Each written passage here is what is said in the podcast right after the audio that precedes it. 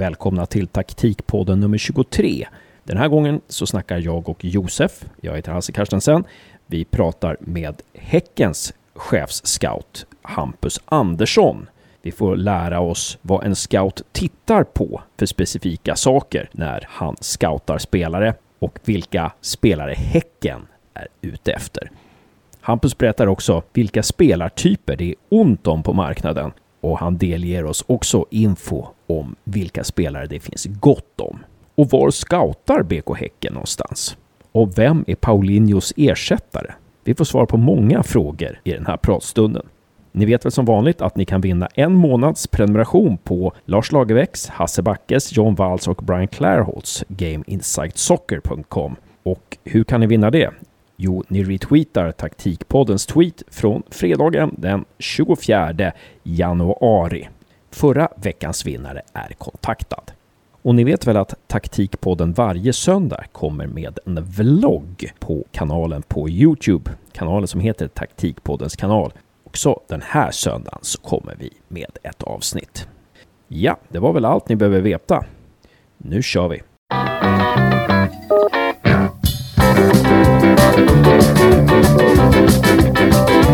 Mm. Välkommen till Taktikpodden säger vi till Hampus Andersson, chefscout i BK Häcken. Tack så mycket. Helt grymt att du vill vara med i vår podd här. Och när man läser på om dig där så får man ju reda på att du spelade en väldig massa matcher för Guys. Jag tror det var 2013 där. Men sen var det inte så många matcher. Finns det någon förklaring till det? Ja, jag... Pika 2013, 20 år gammal. Det kanske är lite väl tidigt att pika i sin fotbollskarriär. Jag och Eh, hela Gais hade ett jävla bra år där 2013. Det var liksom smulorna från allsvenskan. De har rasat ur året innan och varit eh, allsvenskans sämsta lag på en jäkla massa år. Så fick vi in Thomas Askebrandt där som på något sätt samlade upp alla och lyckades bygga en jävla bra grupp och ett, eh, ett bra fotbollslag. Och jag lyckades få mina matcher där och lyckades även göra lite assist. Så det var ett bra år för mig. Resan för dig har varit lite så här att du sen blev analytiker i BK Häcken och sen eh, förra året blev du chefscout. Och vi ska ta reda på lite vad en chefscout gör och sådär. Men innan vi tar reda på det så välkommen Josef! Tack så mycket! Du sitter i Växjö och Hampus sitter i Göteborg och jag sitter i Gävle. Vi visar att man kan podda genom hela, skära genom hela landet.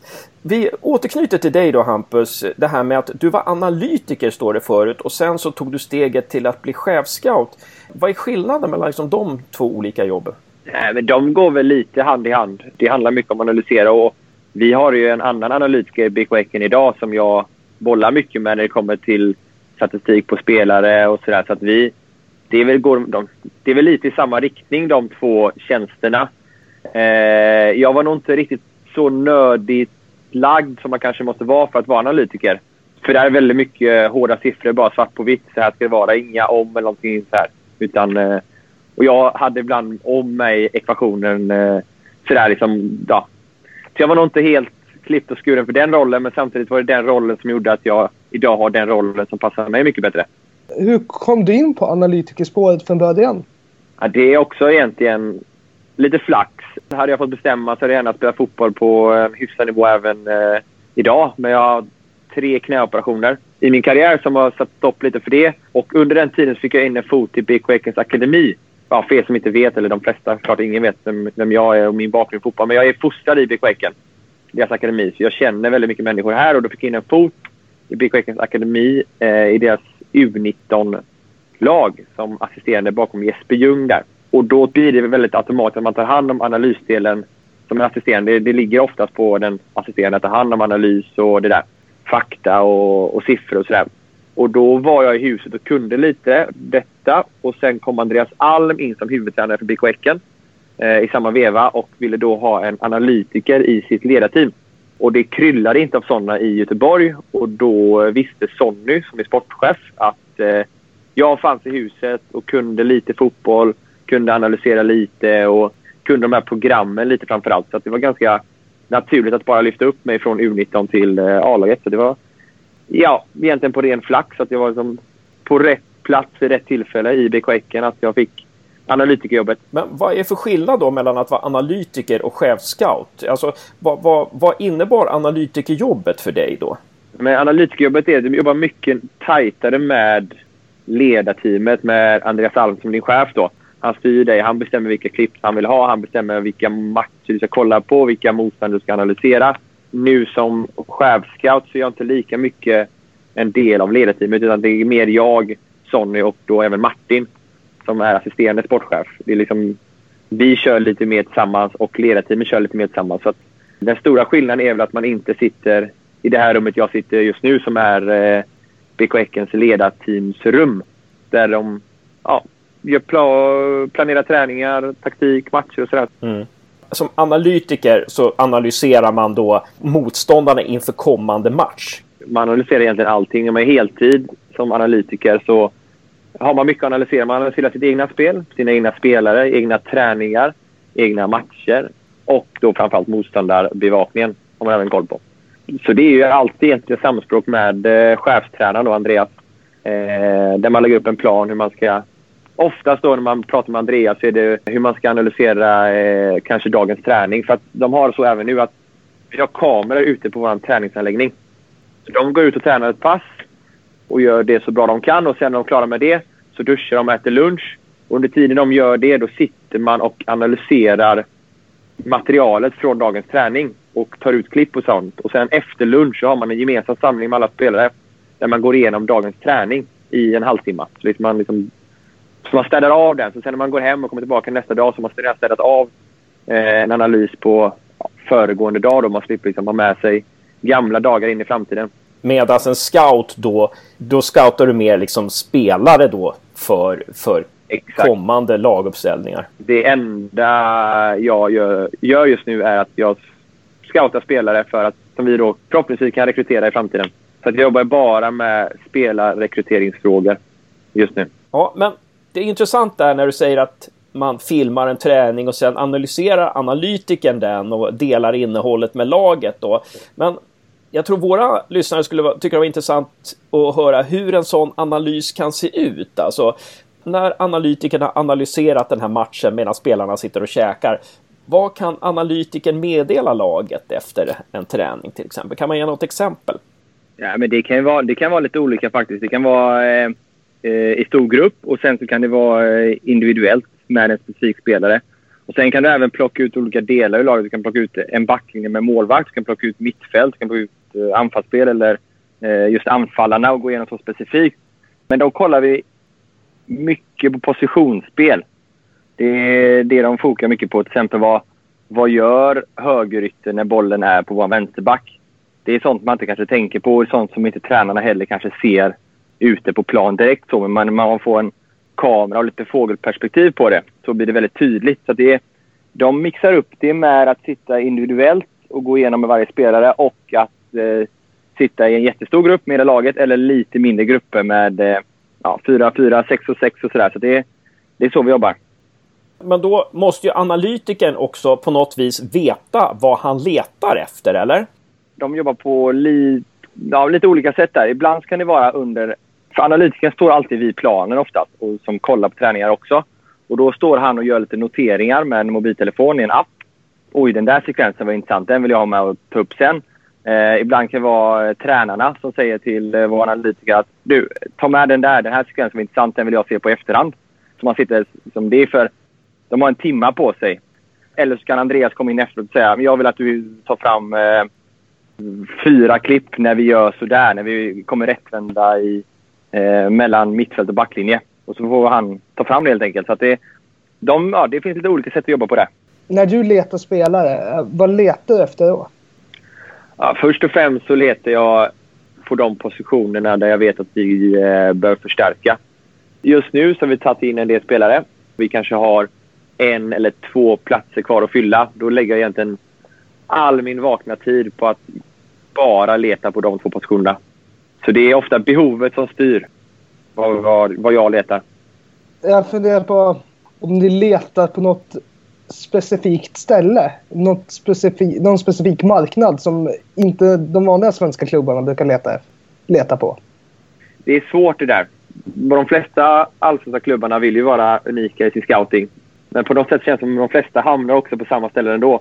Man hamnar kanske, åker man till Afrika så är det man hamnar i Ghana och i eh, Elfenbenskusten, eh, lite Västafrika och sådär. Men jag vet att alla vill vara lite unika eh, i sin scouting. Vi försöker väl så gott det går här i Häcken. Spanien har blivit ett halvhett spår här nu med Sundsvall och sådär. Samtidigt lika, lika snabbt det blev hett blir det lika snabbt dött igen med tanke på att de sen åkte ur Allsvenskan. Vi är inte så precisa i vår scouting än så länge, men det är klart att Afrika har det blivit några resor till. Där finns ju extremt mycket råmaterial, eh, råtalang. Sen Spanien, Frankrike, lite lägre divisioner kan man hitta lite spelare. Eh, lite svårt med franska spelare, ofta väldigt dyra. Spanjorer är lite enklare. Sen så just den här rollen som jag har har bara funnits ett halvår i Häcken. Så vi är fortfarande en liten uppstartperiod här nu. Liksom, vad är BK Häcken? Ska vi bli bäst i Norden? Ska vi bli bäst på lokalfotbollen? Ska vi bli bäst på afrikanska spelare? Ska vi bli bäst på sydamerikanska spelare? Så att vi, liksom, vi letar oss fram lite i terrängen just nu. Om man jämför att vi har haft ett halvår den här tjänsten så jämför man med Hammarby, AIK, IFK Göteborg, Malmö som kört det här i tio år. Det är klart att de har ett litet försprång på oss just nu som vi gärna vill ta ikapp så mycket det bara går. Vad är visionen just nu? Du pratar om att vi vill... Ska vi bli bäst på afrikanska spelare? Ska vi bli bäst i Göteborg? Vad vill ni utveckla mest just nu? Nej, men det har blivit så mina första sex månader här på den här tjänsten har blivit att leta extremt brett. Och det är för att då kunna hitta vad som är BK Häcken. Um, vi är väl inte riktigt där än. Så att vår vision och vårt mål är att vi vill bli ännu bättre. Ja, är, det är upp till mig och till Sonny och till Martin att, uh, att hitta den vägen som vi vill gå. Och när ni väl letar spelare, hur viktigt är det då att den har spelat eller att ni er, kan erbjuda ungefär liknande roller i er klubb som den har spelat på i den nuvarande klubben? Har det funkat bra i den nuvarande klubben för spelaren så är det väl positivt om vi kan erbjuda samma roll. Sen så kan man få utveckling på spelare som har använts fel i sina klubbar också. Eh, som man sen kan ta till oss och där de liksom får ett uppsving för de har kanske bytt position eller bytt spel, ja, spelsätt och sådär. Så att det, på sikt vill man gärna ha en mall på att när Häcken tar in en vänsterback då ska han ha de här attributerna. Tar vi in en mittback ska han ha de här attributerna. Tar vi in en anfallare så ska han vara bra på det här. Det vill man gärna ska sitta. Men där är vi inte än. Vi, inte, vi har inte kommit så långt som lag och som förening och som scoutingverksamhet att vi kan ställa de kraven på de spelarna vi tar in. För att vi är just nu i en näringskedja som gör att vi kan plocka från en hylla och då kan man inte alltid vara alltför kräsen. Hampus, jag antar att, att en scout måste känna till sitt eget lags spelsätt för att kunna scouta spelare till laget. Eh, eh stämmer det? Ja, så är det ju. Eh, absolut. Det är ingen idé att vi eh, plockar in en... Eh, ja, men någon som eh, inte passar in i den typen av fotboll som vi vill eh, spela här. Eh, och jag tror det är ganska satt ute i fotbollssverige hur Häcken vill spela sin fotboll. Vi vill gärna vara framåtlutade, spela en en så kallad passningsorienterad fotboll och gärna driva matcherna på egen hand. Så man tar till exempel som våra yttermittfältare. Vi ser gärna att de kommer in mycket i banan. Och då kanske man inte letar efter en yttermittfältare som gör det jättebra brett och tar bollen och utmanar sin gubbe. Utan vi vill gärna komma in och spela de här fickorna, som vi kallar det, mellan, eh, mellan deras mittfält och backlinje. Så att, eh, vi kan, man kan säga att vi spelar med tre tior för att ge sig en klar och tydlig bild för dem man förklarar för. Ja, det är intressant med 3-10. Skulle du kalla dem för pocketspelare? Ja, men det är lite så. De, det har blivit en pocket eller ficka, vad man kallar det. Det är som det, den finstilta fotbollen där. Den är lite trängre, men eh, där man kan skapa jäkligt mycket. Och egentligen, det sattes väl på Gerhardsson tid eh, när han var här i klubben i nio år. Och sen fyllde vi på med Martin Eriksson där som var eh, jävligt skicklig på just det. Och sen kom Simon och Samuel som också var extremt skickliga på det. Och Linné Makondele eh, var extremt skicklig på det. Så att, eh, det är egentligen där den har satt sig. Och sen har det hela tiden varit Häckens DNA lite. Och det, det är det som inte vi vill tappa. Så att när vi kollar spelare så, på lite offensiva positioner så kollar vi väldigt mycket hur de, hur de är där inne att kombinera med andra spelare på lite mindre ytor så att de även behärskar det. Man plockar från den hyllan. Vilka spelartyper är det ont om? Kanske inte spelartyper, men eh, vi har ju föryngrat truppen. Har vi gjort. Eh, medvetet det här fönstret. Vi har ju tappat Paulinho med alla hans mål och assist. Och han var, jag vet inte exakt, men han var väl 34 kanske. Vi har tappat en eh, jävla bra ytterback i Kariarkivo. Och ersatt kanske Paulinho då med Leo Bengtsson som är 98 istället. Så att det, truppen har blivit lite yngre. Så att eh, ska vi ta in någon så ser vi gärna att de är i spannet 25 plus. Men när du är ute och letar så här, alltså, finns det någon spelartyp som, som Alltså, finns det någon position som det är lättare att hitta till än någon annan position? Eh, förstår du vad jag menar? Att det är någon position ja. som liksom är... Att det är brist på spelare, duktiga spelare i just den positionen. Jag skulle säga att det är brist på eh, vänsterbackar i Sverige just nu. Det känns som att det är väldigt många som blir vänsterbackar för att de är vänsterfotade. Utan de kanske varken vill vara där själv eller har de egenskaperna för att vara vänsterback. Eh, mer för att så här, och det kan vara ett taktiskt val också. Det är väldigt många som kört fast, fast på centralt mittfält eller som yttermittfältare. De har inte riktigt det. Men så kliver de ner som vänsterback och plötsligt blir de jättebra med sin offensiva fot och komma runt och överlappa och se briljant ut. Så att, eh, en vänsterback som är eh, väldigt bra på att försvara, det eh, växer inte på träd. Och samtidigt kan anfalla, eller? Som har ett driv och... Ja, den, och så fort det kommer fram en sån spelare i svensk fotboll som har den mixen, då är de inte kvar i svensk fotboll längre. För det går väldigt snabbt och de är väldigt eh, få där ute. Jag tänker på Anton Kralj som var i eh, som tillhörde Malmö men som, som gick till Gävle och eh, sen numera tror jag spelar i Norge. Han är ju, mm. Eh, skulle han vara intressant för er eller? Han har gjort en väldigt bra säsong i Norge. Vi har ju följt honom ett tag här. Och jag hade koll på honom även innan jag kom till BK Häcken som scoutchef här. De gick upp om att det är helt ute och cyklar nu. Och han har spelat kontinuerligt. Så att, och fortfarande relativt ung och utvecklingsbar. Att, det är en bra spelare, men ingen som står högt upp, högst upp på vår lista just nu kanske. Så Anton är inte aktuell för er. Eh, vad är det som gör att eh, Anton inte är aktuell för er? Eller vad är det i hans spel som kanske inte passar i någon serie just nu? Just i Kralis fall så det är ju alltid efter behov och just det är en fotbollsspelare som eh, jag tror hade kunnat passa i vårt sätt att spela. Han är offensiv ytterback, kommer runt, har en fin vänsterfot. Eh, tar mycket fasta, både gjort i Sverige och nu även i Norge. Eh, men det är alltid efter behov. Vi har eh, två landslagsmän som vänsterback så det blir, som, det blir svårt att ta in en tredje. Om man tänker då på just Anton. Eh, han är ju väldigt kort om man ser till den mm. normala svenska fotbollsspelaren.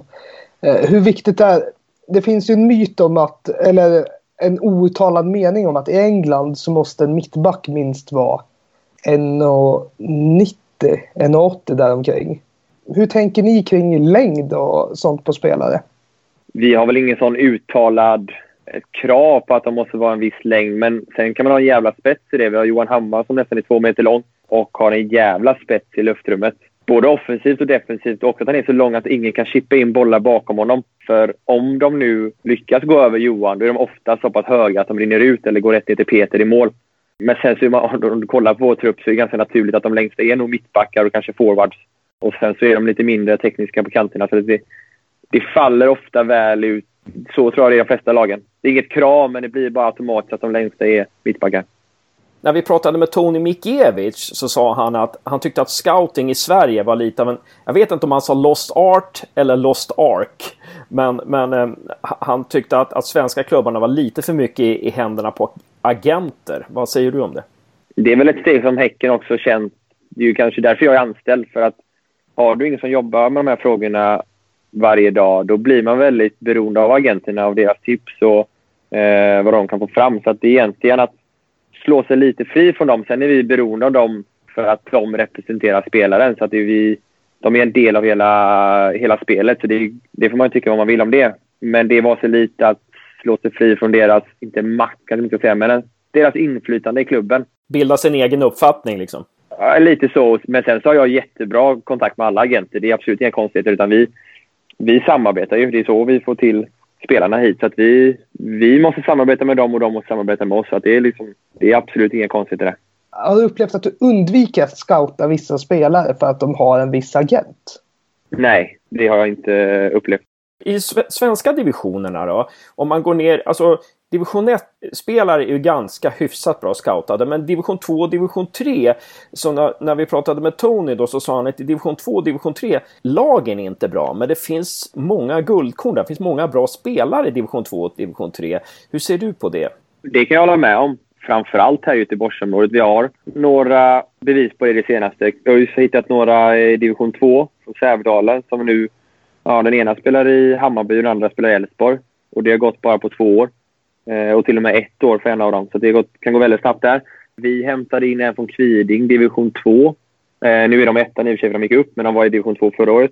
Så egentligen, när vi pratar om division 1 och neråt, de serierna, då är det för oss bara i närområdet. Vi scoutar inte division 1 norra. Vi scoutar inte division 2 uppe i, eller borta i Småland, utan då håller vi oss i lokalfotbollen. Från Halmstad upp till eh, Ljungskile där i, på division 2-nivå. Division 1 så egentligen division 1, hela division 1 södra.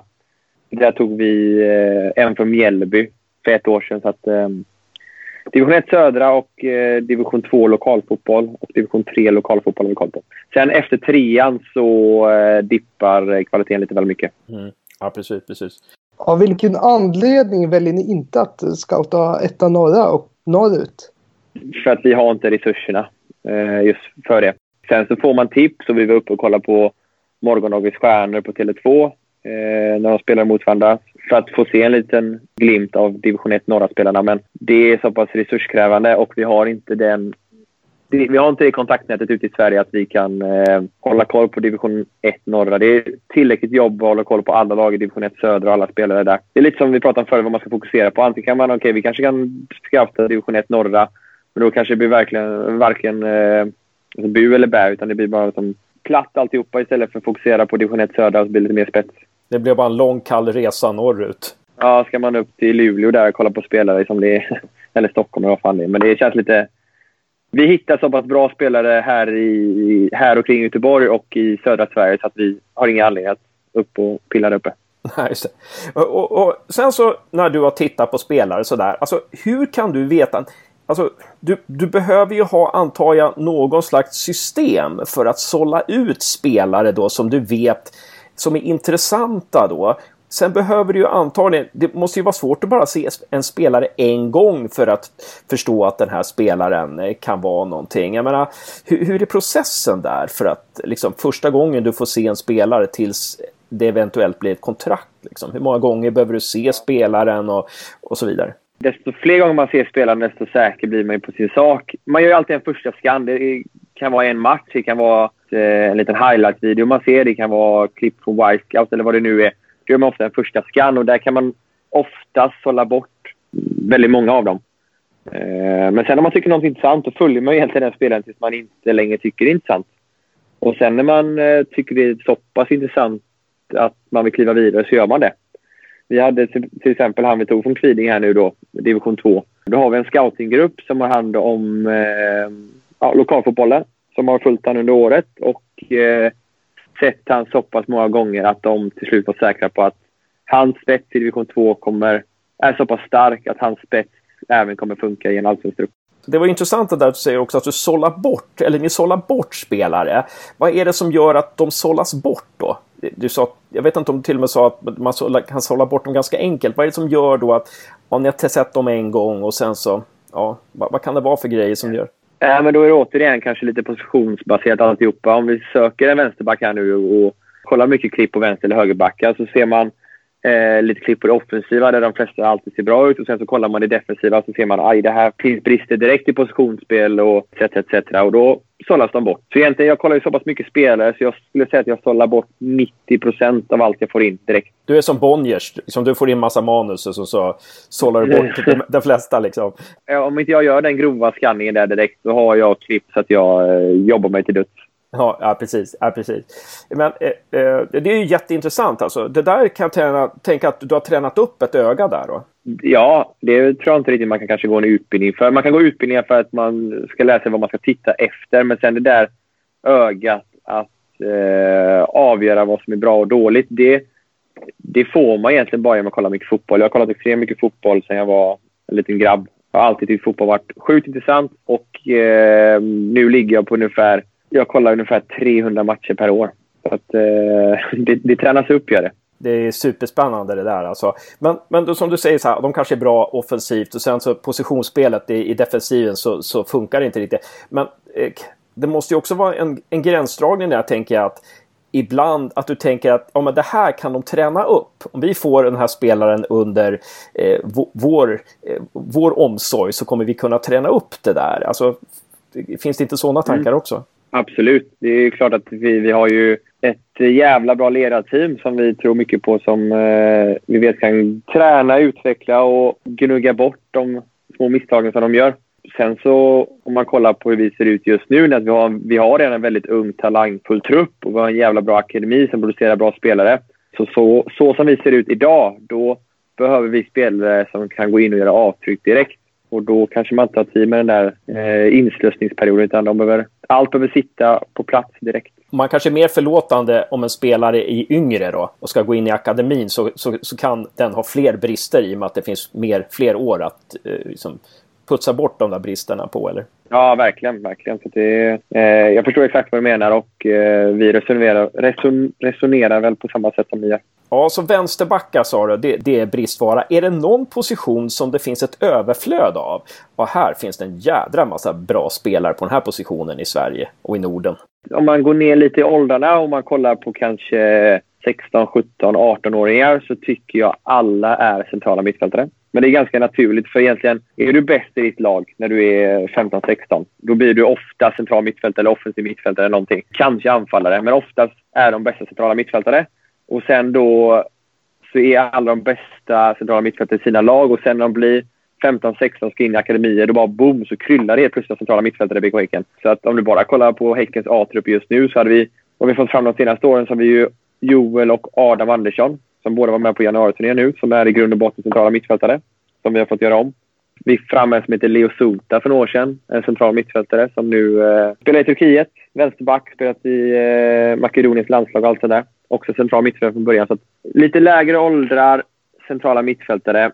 När jag får tips skickat till mig så är det väldigt mycket anfallare och yttrar. Och då är det ofta tips från eh, Sydamerika, och från eh, Afrika. Ja, just det. Så att det låter som ja, offensiva spelare finns det gott om då medan defensiva lite, lite bristvara kanske då? Ja, lite så. Och jag tror att de vet om också att här i Sverige så producerar vi väldigt bra försvarare. Det är det som vi är starka på. Vi, eh, vi är bra utbildade i allt det där. Så det som vi saknar, det är det de har. Och därför ser de nog att en sån spelare att komma till en svensk klubb där den strukturen alltid finns med liksom bra mittbackar, en stabil målvakt, kloka centrala mittfältare, då, då kan man spetsa jäkligt bra med, med egenskaper som inte vi får fram riktigt här i Sverige. Du säger alltså att man kan lära sig att scouta spelare. Skulle du kunna lista några saker man bör kunna och eh, borde fokusera på när man faktiskt scoutar en spelare? Ja, till exempel passningsfot eller mental styrka eller någonting sånt där. Mental styrka kan vara ibland svårt att mäta. Det är i så fall att man kanske gått igenom en, en tuff period i sin fotbollskarriär eller i livet i allmänhet och sen kommit ut starkare. Vilket är alltid positivt. Men sen så är det också alltid positionsbaserat. Egentligen allt vi gör utgår från vilken position de är på. Sen så försöker vi ha så bra blandning som möjligt eh, mellan eh, siffror kontra det vi själv, liksom det visuella, det vi ser, vår känsla sådär.